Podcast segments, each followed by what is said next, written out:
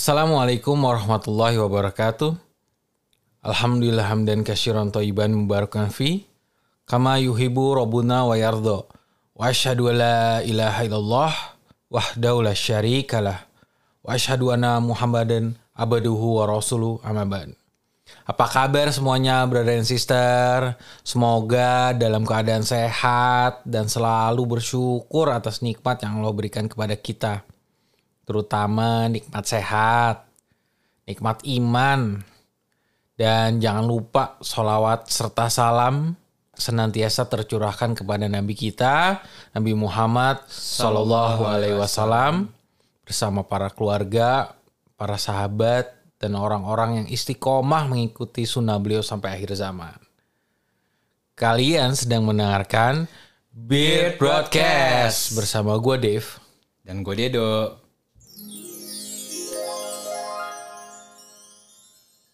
Brat, uh, gak nyangka ya bro ya. Udah masuk bulan Zulkodah aja nih bro. Bener bro. Ini udah episode 22 bro.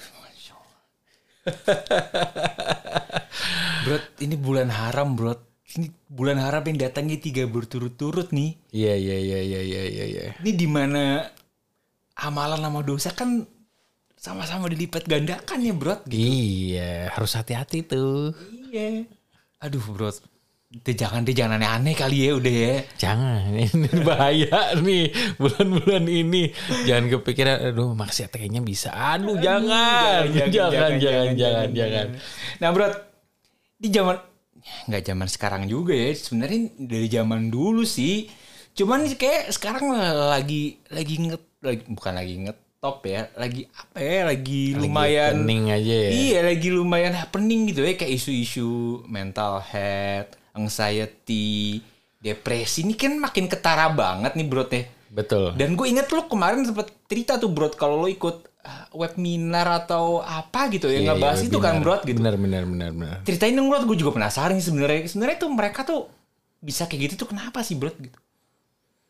eh iya, ini mental health issue sih betulnya. Jadi eh apa yang gue dapat dari webinar kemarin tuh ngomongin tentang eh seseorang yang menderita anxiety disorder. Jadi rasa rasa cemas yang berlebihan, bro. Walaupun sebetulnya eh gue tahu gue nggak ada di sepatunya dia ya, bro ya. Gue nggak merasakan apa yang dia rasakan. Tapi em gue ngambil banyak pelajaran di sini gitu ya. Salah satunya adalah yang dijelaskan di situ rasa cemas itu ada dua, anxiety sama anxiety disorder. Nah, anxiety itu sebetulnya rasa cemas ketika contohnya eh, yang gue dapat dari pembicaranya ya, ketika lo ada dalam keadaan lo tahu di depan ada jurang, orang yang punya rasa cemas, aduh depan ada jurang, gue harus hati-hati, jangan sampai masuk, itu rasa cemas. Tapi orang yang anxiety disorder adalah melebihi itu bro. Jadi ketika dia jatuh, dia mikirin proses jatuhnya, dia jatuhnya nanti gimana, apa kejadian selanjutnya terus dipikirin sampai wah detail-detail-detail yang panjang gitu bro. Dan itu banyak terjadi ketika orang-orang itu udah masuk ke zaman pandemi bro. Zaman pandemi ini ternyata banyak banget yang kena mental health issue itu. Mungkin ya karena nggak siap dengan dengan dengan kondisinya. Apalagi mungkin orang-orang ini eh, apa ya em, bisnisnya berantakan jadi hancur gitu bro. Nah apa yang gue dapat dari situ ini menarik bro. Bahwa teman-teman eh, di sini eh, itu mereka pergi ke psikolog atau psikiater gitu ya dan mereka akhirnya difonis mengidap anxiety disorder dan mereka sharing di situ mereka menjelaskan kenapa sampai seperti itu gitu ya. Dan sampai sekarang cara mengatasinya ya dengan dengan bantuan medis juga gitu dengan obat-obatan dengan yang lain. Nah cuma yang lucunya di sesi itu menurut gue adalah gue nggak tahu ya. Maksudnya balik lagi gue nggak ada di posisinya dia gue nggak ada di sepatunya dia dia sudah pernah melakukan itu atau belum. Cuman pertanyaan gue adalah satu bro udah coba balik ke Tuhan kita belum? Udah pernah balik belum masalahnya kita itu ke yang menciptakan dunia dan seisinya? Apalagi kita sebagai seorang muslim kita tuh tahu gitu kalau misalkan masalah yang kita hadepin itu itu tidak lebih besar dari dari apa yang menciptakan kita which is kuasanya Allah tuh betul-betul waduh masya Allah gitu kan. Nah Nah, gitu bro maksud gue gitu ya. Gue di situ jujur gue nggak berani nanya. Lo lo udah udah coba balik. Ya lo ngerti kan pasti anggapan orang apa sih? gitu. Kok lo balik-balik ke agama lagi gitu ya? Maksudnya tapi kalau gue ngeliatnya ya lo udah pernah jujur belum sih sama diri lo dan lo omongin masa lalu sama yang menciptakan lo gitu. Karena yang menciptakan lo tuh pasti ya udah jelas gitu setiap ada masalah di situ tuh pasti ada jalan keluar ada solusinya bro nah kan itu ya bro, menurut gue ya kan bro kayak ya balik lagi kayak yang tadi lo omongin gitu. Karena gue pun belum ada di posisi mereka ya dan gue nggak tahu apakah gue ketika gue ada di posisi mereka gue bisa apa yang kayak kita saranin gitu untuk balik ke Allah gitu. Cuman kalau kita pandang dari sudut pandang Islam kan ini udah jelas banget bro. Mereka tuh nggak tahu ilmunya gitu. bener Iya kan? Cuma kan kita punya Allah, bro. Gitu. Kan kita udah bahas kemarin. Semakin sayang Allah sama kita, itu kita bakal semakin diuji, bro. setuju gue bro Ya kan Allah udah jelas, bro. Firmannya dalam surat Al-Baqarah ayat 145, bro. Ya ayuhallazina amanu sta'inu bis sabri wassalah. Innallaha ma'as sabirin. Wahai orang-orang yang beriman, mohonlah pertolongan kepada Allah dengan sabar dan sholat. Sesungguhnya Allah beserta orang-orang yang sabar.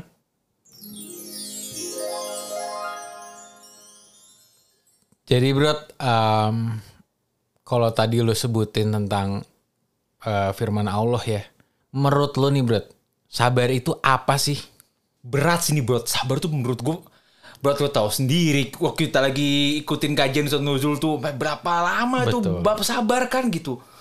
Kalau ingat-ingat lagi tuh, waduh bro, bab sabar itu bener-bener yang kayak, wah kok ternyata gini ya. Sabar tuh ternyata gini ya. Jadi yang yang gue inget tuh sabar itu ada ada tiga bro.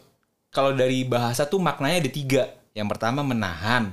Yang kedua itu yang sering lu bilang juga bro, sabar tuh salah satu jenis dari batu bro gitu. Yang ketiga tuh udah hal yang paling tinggi deh gitu. ya ya ya Jadi ya, ya. menahan menahan tuh menahan diri atas ketaatan gitu, menahan diri dari maksiat, menahan diri di saat kita ngadepin takdir yang gak kita suka, bro. Iya iya iya iya iya betul sih. Dan kayaknya ujian dan cobaan memang ya udah sunatullah lah ya bagi orang-orang yang beriman ya baik hari ini dan masa lalunya gitu. Terus eh, ya apa tujuan dari itu semua ya tujuannya sekali lagi Allah tuh ya benar-benar melihat siapa yang jujur dan siapa yang berdusta dan pendusta, Bro. Kan Allah udah berfirman, Bro. Ya, ya, ya, ya. di surat Al-Ankabut ayat 2 sama 3, bro, Allah tuh berfirman, apakah manusia mengira bahwa mereka itu akan dibiarkan mengatakan kami telah beriman, tapi mereka nggak diuji. Dan sungguh kami telah menguji orang-orang sebelum mereka dan Allah mengetahui orang-orang yang jujur dan Allah mengetahui orang-orang yang dusta, bro. Nah itu tadi, bro. Segala problematika yang di atas itu tadi, bro. Mental health, anxiety disorder. Kan jadi semakin kelihatan, bro. Kalau kuncinya ya kita harus sabar, bro. Kan kita tahu juga, bro, dalilnya, bro. Dari sahabat Mushab bin Said, seorang tabi'in ini dari ayahnya berkata, Wahai Rasulullah, manusia manakah yang paling berat ujiannya? Lalu beliau SAW menjawab, para nabi, kemudian yang semisalnya dan semisalnya lagi. Seseorang akan diuji sesuai dengan agamanya. Apabila agamanya begitu kuat, maka semakin berat pula ujiannya. Dan apabila agamanya lemah, maka ia akan diuji sesuai dengan kualitas agamanya. Seorang hamba senantiasa akan mendapatkan cobaan hingga ia berjalan di buka bumi dalam keadaan bersih dari dosa. Itu hadis riwayat Tirmizi disohikan oleh Syekh Albani, bro. tanpa bermaksud untuk meremehkan segala penyakit tadi bro ya. Sekarang gue tanya nih bro sama lo bro. Nabi Muhammad SAW itu kurang berat apa bro ujiannya bro? Belum lahir aja ayahnya meninggal. Umur 6 tahun ibunya meninggal. Terus beliau dirawat sama kakek sama pamannya. Kakeknya meninggal. Terus beliau nikah sama Khadijah radhiyallahu anha yang nemenin beliau dari awal-awal kenabian tuh betapa bersisanya beliau ditemenin sama Khadijah gak lama meninggal di saat yang bersamaan pamannya meninggal semua anaknya meninggal bro waktu masih kecil kecuali Fatimah. 13 tahun. Di kotanya sendiri bro di kota kelahirannya bro disiksa bro lagi sujud ditumpahin kotoran unta. Lagi sujud lehernya diinjek. Kurang berat apa bro ujiannya bro gitu. I yes aduh masya Allah ya ini tuh sosok yang seharusnya buat semua orang Islam tuh jadi idolanya. Waduh Nabi Muhammad tuh harus jadi idolanya kita bro kalau kita ngaku orang Islam gitu ya.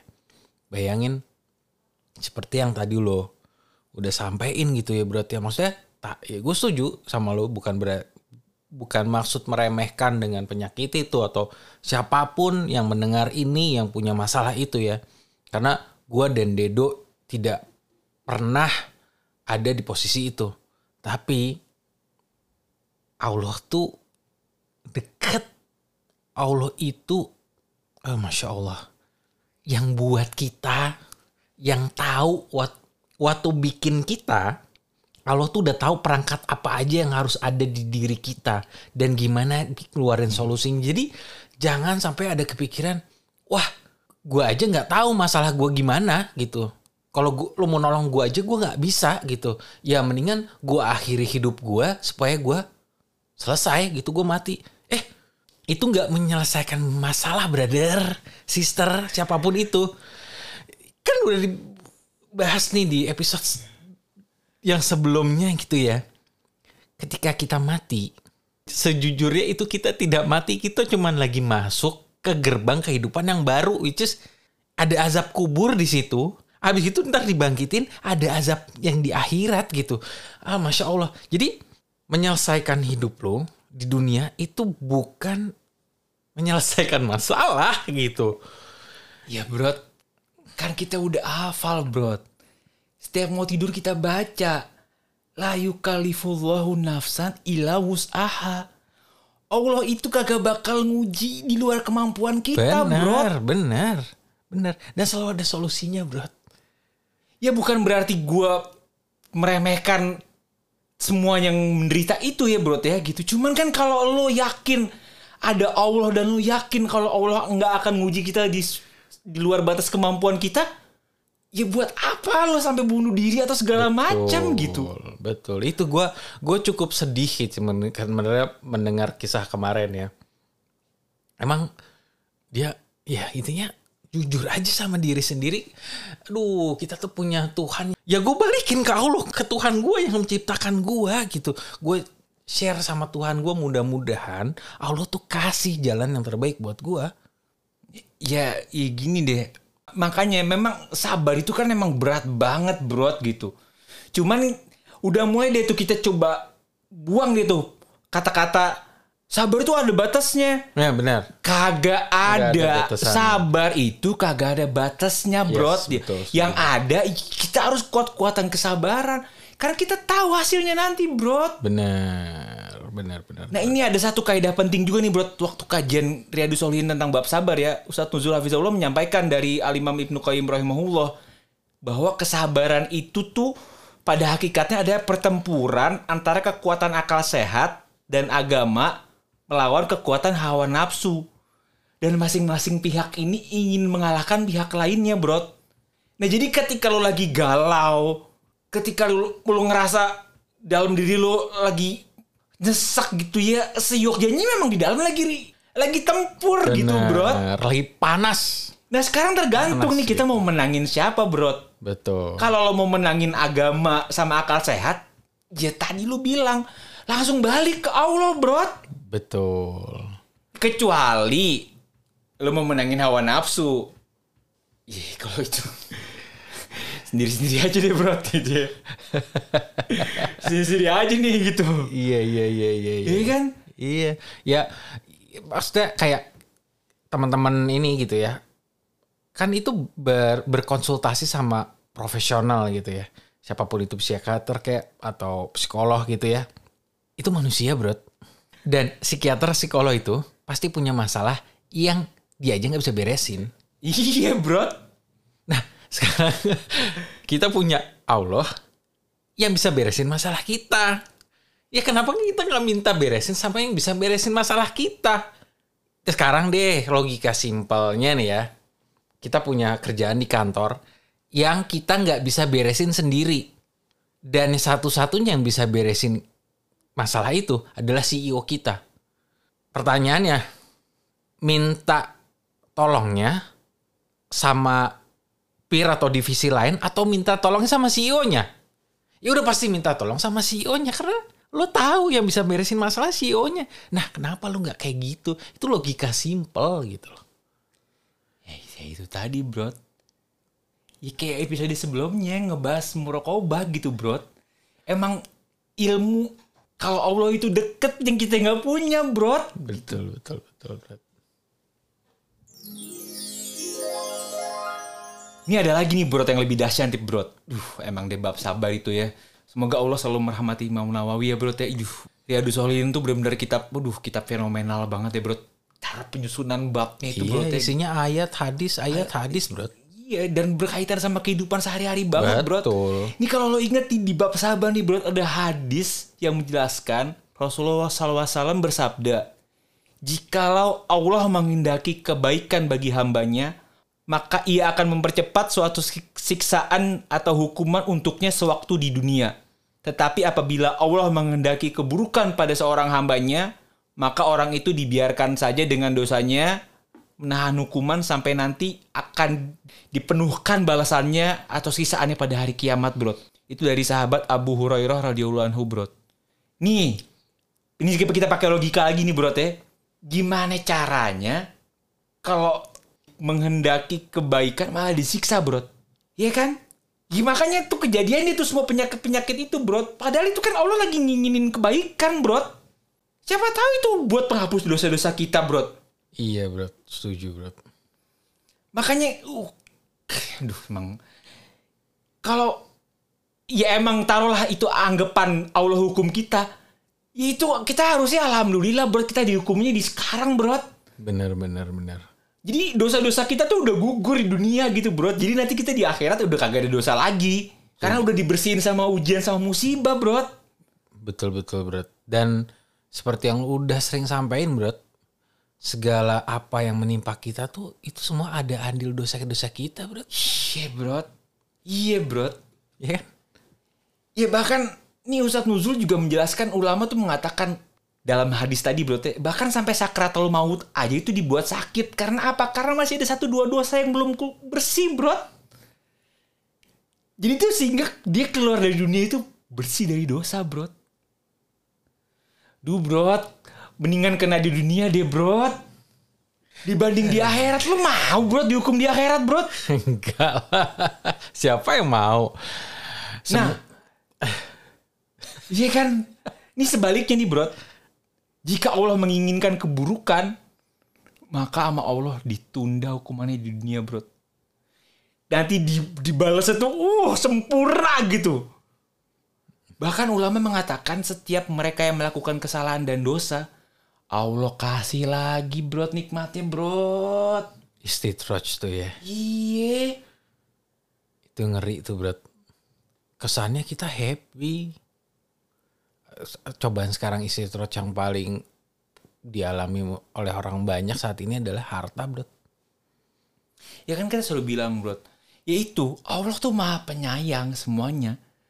Sama orang kafir, sama orang musyrik juga semua dikasih rizki sama Allah. Bener, bener, bener, bener. Karena kita lebih bilang kenapa dia nggak gak sholat, kagak puasa, tapi kok rezekinya jalan-jalan mulu. Yeah bro, lagi diulur. Iya.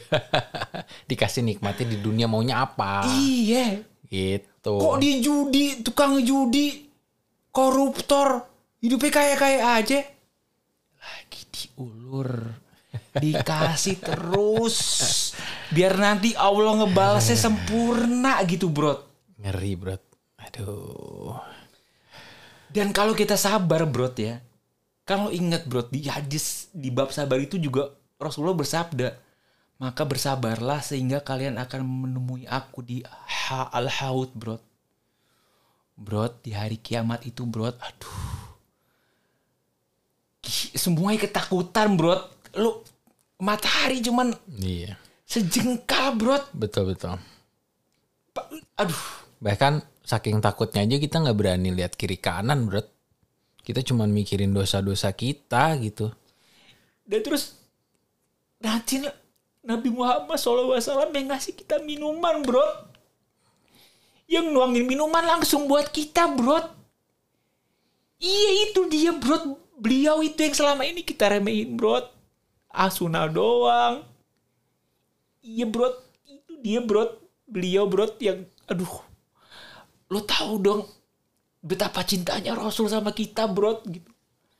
Terus ap- apa bro yang mulai kita perbuat buat beliau bro? Kita salawat aja males bro. Iya, bro.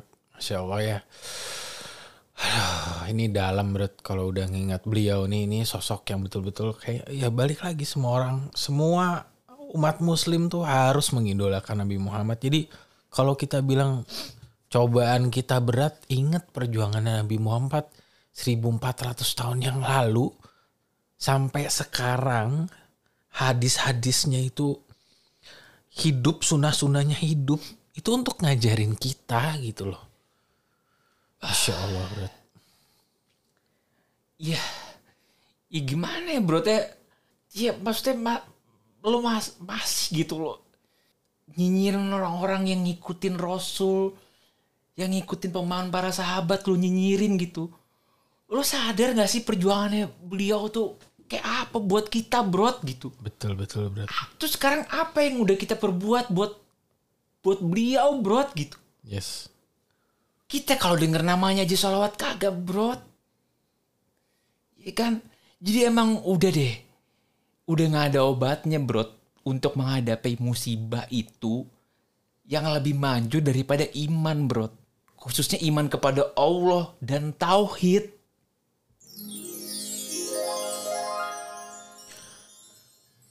Ya, eh, brother and sister ya. Jadi sabar itu emang gak ada batasnya gitu. Berat, ya pasti berat banget gitu kan. Cuma kita ingat yang apa yang kita dapat kalau kita sabar. Pahalanya tuh, aduh masya Allah, udah sering dibahas unlimited. Pahala sabar itu unlimited. Jadi jangan pernah lagi terbesit bahwa sabar tuh ada batasannya. No, no, no, no. Sabar tuh nggak ada batasannya. Nah, sabarnya sampai kapan? Sampai nanti kita ketemu Rasulullah di Telaga Haud dan kita dimasukin ke surganya Allah. Baru deh itu istirahat tuh. Ya. Nah, jadi kalau ada masalah siapa pun apa pun masalahnya, kecil besar baliknya ke Allah. Minta tolongnya lewat sabar, lewat sholat, perbanyak zikir, mengingat Allah gitu ya. Bukan ke ya clubbing, terus akhirnya minum-minuman gitu kan. Terus abis gitu ya mohon maaf eh, tiba-tiba jadinya seks bebas gitu setelah itu. Abis gitu makan anti depresan. Itu nggak menyelesaikan masalah gitu. Malah nambah masalah. Betul. Malah nambah masalah. Benar, benar, Malah banyak menyekin dosa gitu. Iya iya dan apa yang kita tuang di gelas dan kita minum itu nanti itu ada balasannya. Percaya deh, udah ada balasannya. Deh. Nah, jadi teman-teman yuk mulai nih terapin mindset kita biar kita tuh bisa selalu sabar ketika kita dihadapin sama sebuah masalah. Jangan, pertama nih ya, jangan langsung di-share ke semua orang. Apalagi hari gini di-share-nya ke sosmed. Gak usah, gak usah. Langsung ingat dulu ke Allah, balikin dulu ke Allah. Kalaupun mau diceritain, ceritain sama orang yang menurut kalian bisa membantu kalian menyelesaikan masalah tersebut tanpa harus panjang. Contoh orang tua ke, adik kakak ke, siapa pun yang kalian percaya. Tapi jangan disebarin ke semua dunia gitu loh. Eh gue ya akhirnya jadi bahan omongan. Yang kedua, ingat setelah balik ke Allah, itu semua masalah itu ada andil dosa-dosa kita. Betul. Ya, jadi syaratnya balik lagi ke syarat yang pertama gitu. Mi- Minta tolong terus sama Allah gitu. Betul betul berat. Nah, ini selalu kita sampein deh. Ini tuh bener-bener emang bener-bener nasehat. Gua sama Dev tuh cuman saling menasehati aja. Cuman kita pengen share nih. Betul. Kita pengen share ke teman-teman semua bahwa ini benar-benar kita nggak ada maksud deh untuk saling menggurui. Kita benar-benar nggak ada maksud untuk apa yang ngajarin inilah so tau lah. Nggak ada udah ini. Benar-benar cuman sebatas ilmu yang kita dapat dari kajian-kajian yang kita ikutin dari buku-buku yang kita baca dari pengalaman pribadi gitu. Iya dan satu lagi buat teman-teman yang emang saat ini lagi bahasannya adalah eh, menderita mental eh, disorder atau apa pun itu ya kalau ada salah tadi kita ngomong ya mohon maaf. Cuman em, ya solusinya cuma satu sih balik ke Allah itu aja sih sebetulnya. iya Jadi tapi teman-teman no offense ya. Maksudnya kalau kita punya salah ada yang menyakitkan dari omongan kita ya sudah eh, kita minta maaf. jangan lupa buat share podcast ini ke sahabat, ke orang tua, ke keluarga yang ngerasa wah kayaknya nih mereka harus denger nih biar kita bisa sabar bareng-bareng gitu. Karena sabar itu berat. Betul, betul. Dan harus berjamaah gitu. Terima kasih banyak semuanya udah mendengarkan episode kali ini. Jazakallah khairan. Jangan lupa kita selalu bersyukur kepada Allah dan kita tingkatkan syahadat kita. Ingat, ingat, ingat, ingat kita ini hamba udah. Kalau hamba tuh udah udah nggak punya apa-apa deh gitu. Makanya karena kita hamba ya minta aja sama Allah gitu Iya. dan kita selalu bersolawat kepada Nabi Muhammad Shallallahu Alaihi Wasallam dan berdoa agar diberikan ilmu yang bermanfaat dan dijauhkan dari ilmu yang tidak bermanfaat. Apa sih ilmu bermanfaat? Ya ilmu yang kita dapat tuh bisa kita amalin. Oke. Kita tutup dengan doa kafaratul majelis. Subhanaka Allahumma wa bihamdika asyhadu an la ilaha illa anta astaghfiruka wa atubu ilaik. Kita pamit. Assalamualaikum warahmatullahi wabarakatuh.